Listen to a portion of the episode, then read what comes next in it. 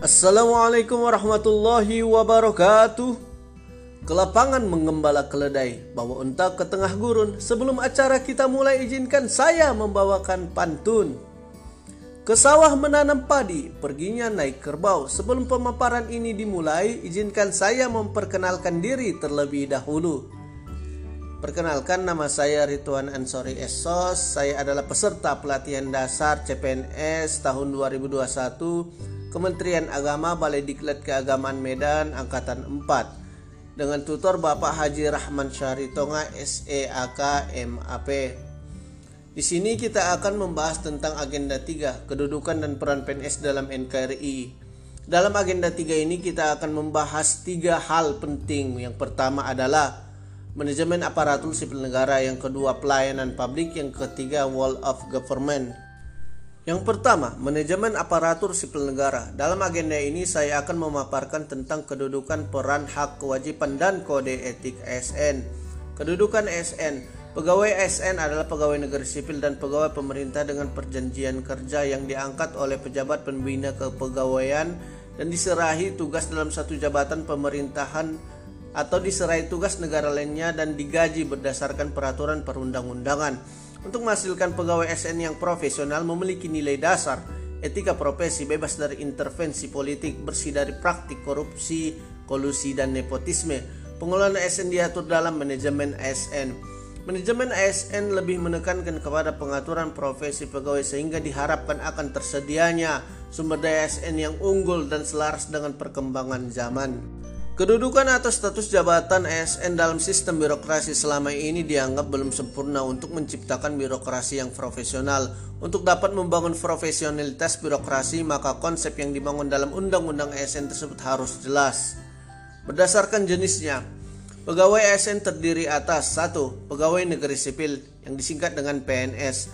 PNS merupakan warga negara Indonesia yang memenuhi syarat tertentu diangkat sebagai pegawai ASN secara tetap oleh pejabat pembina kepegawaian untuk menduduki jabatan pemerintahan dan memiliki nomor induk pegawai secara nasional.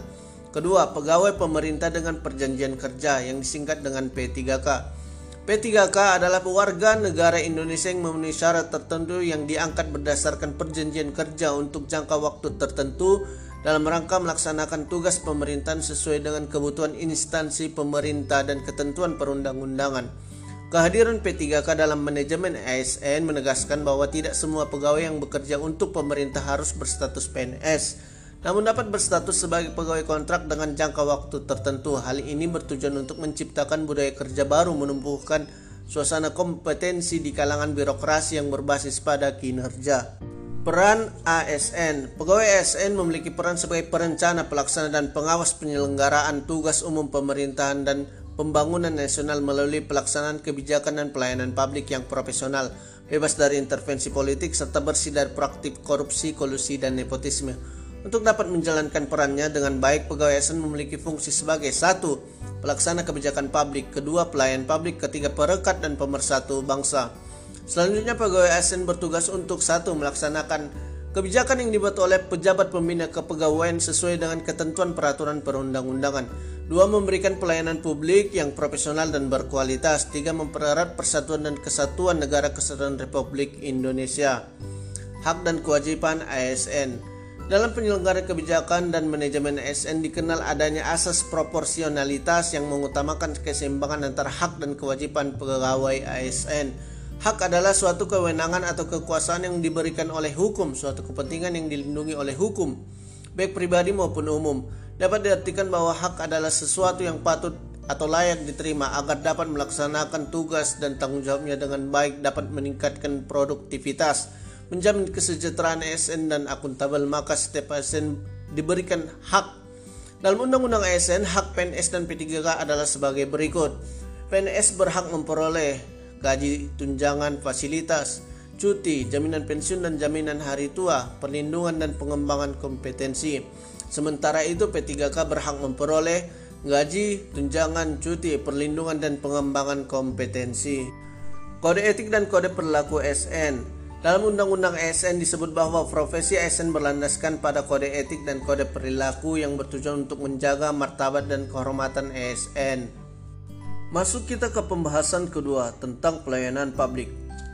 Apa itu pelayanan publik? Dalam Undang-Undang Nomor 25 Tahun 2009 tentang Pelayanan Publik dijelaskan bahwa pelayanan publik adalah kegiatan atau rangkaian kegiatan dalam rangka pemenuhan kebutuhan pelayanan sesuai dengan peraturan perundang-undangan bagi setiap warga negara dan penduduk atas barang, jasa, dan atau pelayanan administratif yang disediakan oleh penyelenggara pelayanan publik. Adapun kategori barang dan jasa, satu barang atau jasa privat, 2. Barang atau jasa tol 3. Barang atau jasa umum 4. Barang atau jasa kolektif Adapun klasifikasi pelayanan publik 1. Pelayanan administratif yaitu pelayanan yang menghasilkan berbagai bentuk dokumen resmi yang dibutuhkan oleh publik. Kedua, pelayanan barang, yaitu pelayanan yang menghasilkan berbagai bentuk atau jenis barang yang digunakan oleh publik. Ketiga, pelayanan jasa, yaitu pelayanan yang menghasilkan berbagai jasa yang dibutuhkan oleh publik. Keempat, pelayanan regulatif yaitu pelayanan yang melalui penegakan hukum dan peraturan perundang-undangan maupun kebijakan publik yang mengatur sendi-sendi kehidupan masyarakat.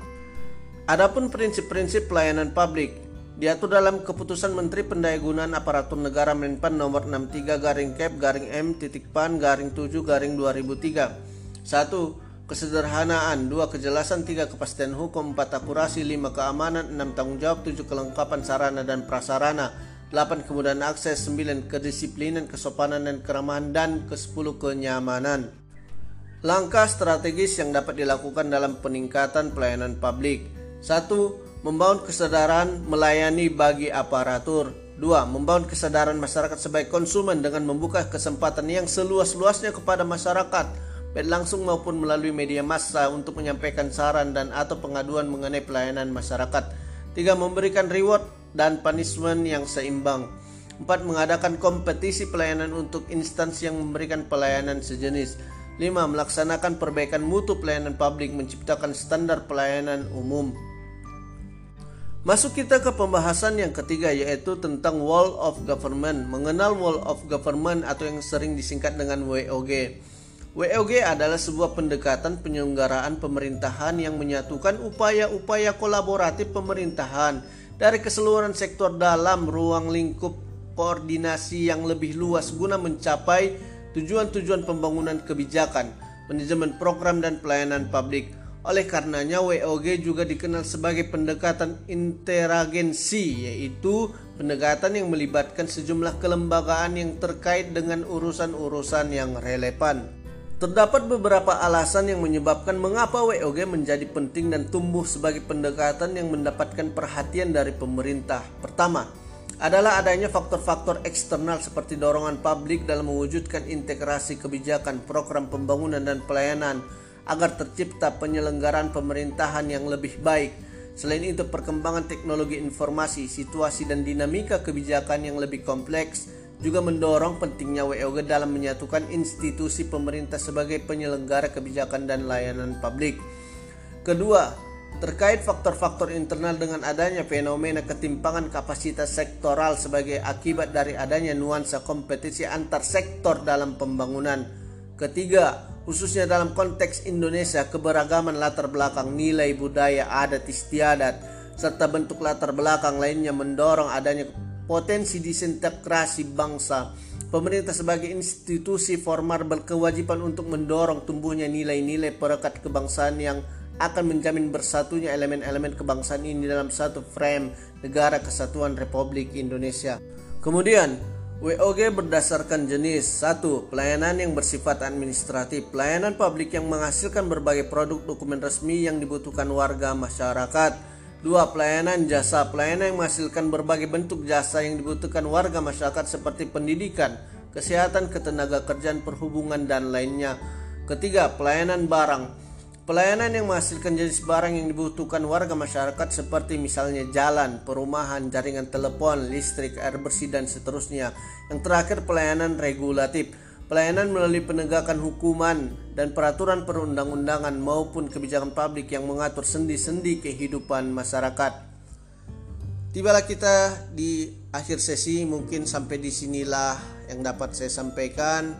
Apabila ada yang salah, saya mohon maaf dan saya mohon ampun kepada Yang Maha Kuasa. Saya akhiri dengan pantun. LP Sukesi membeli durian Terima kasih sudah mendengarkan.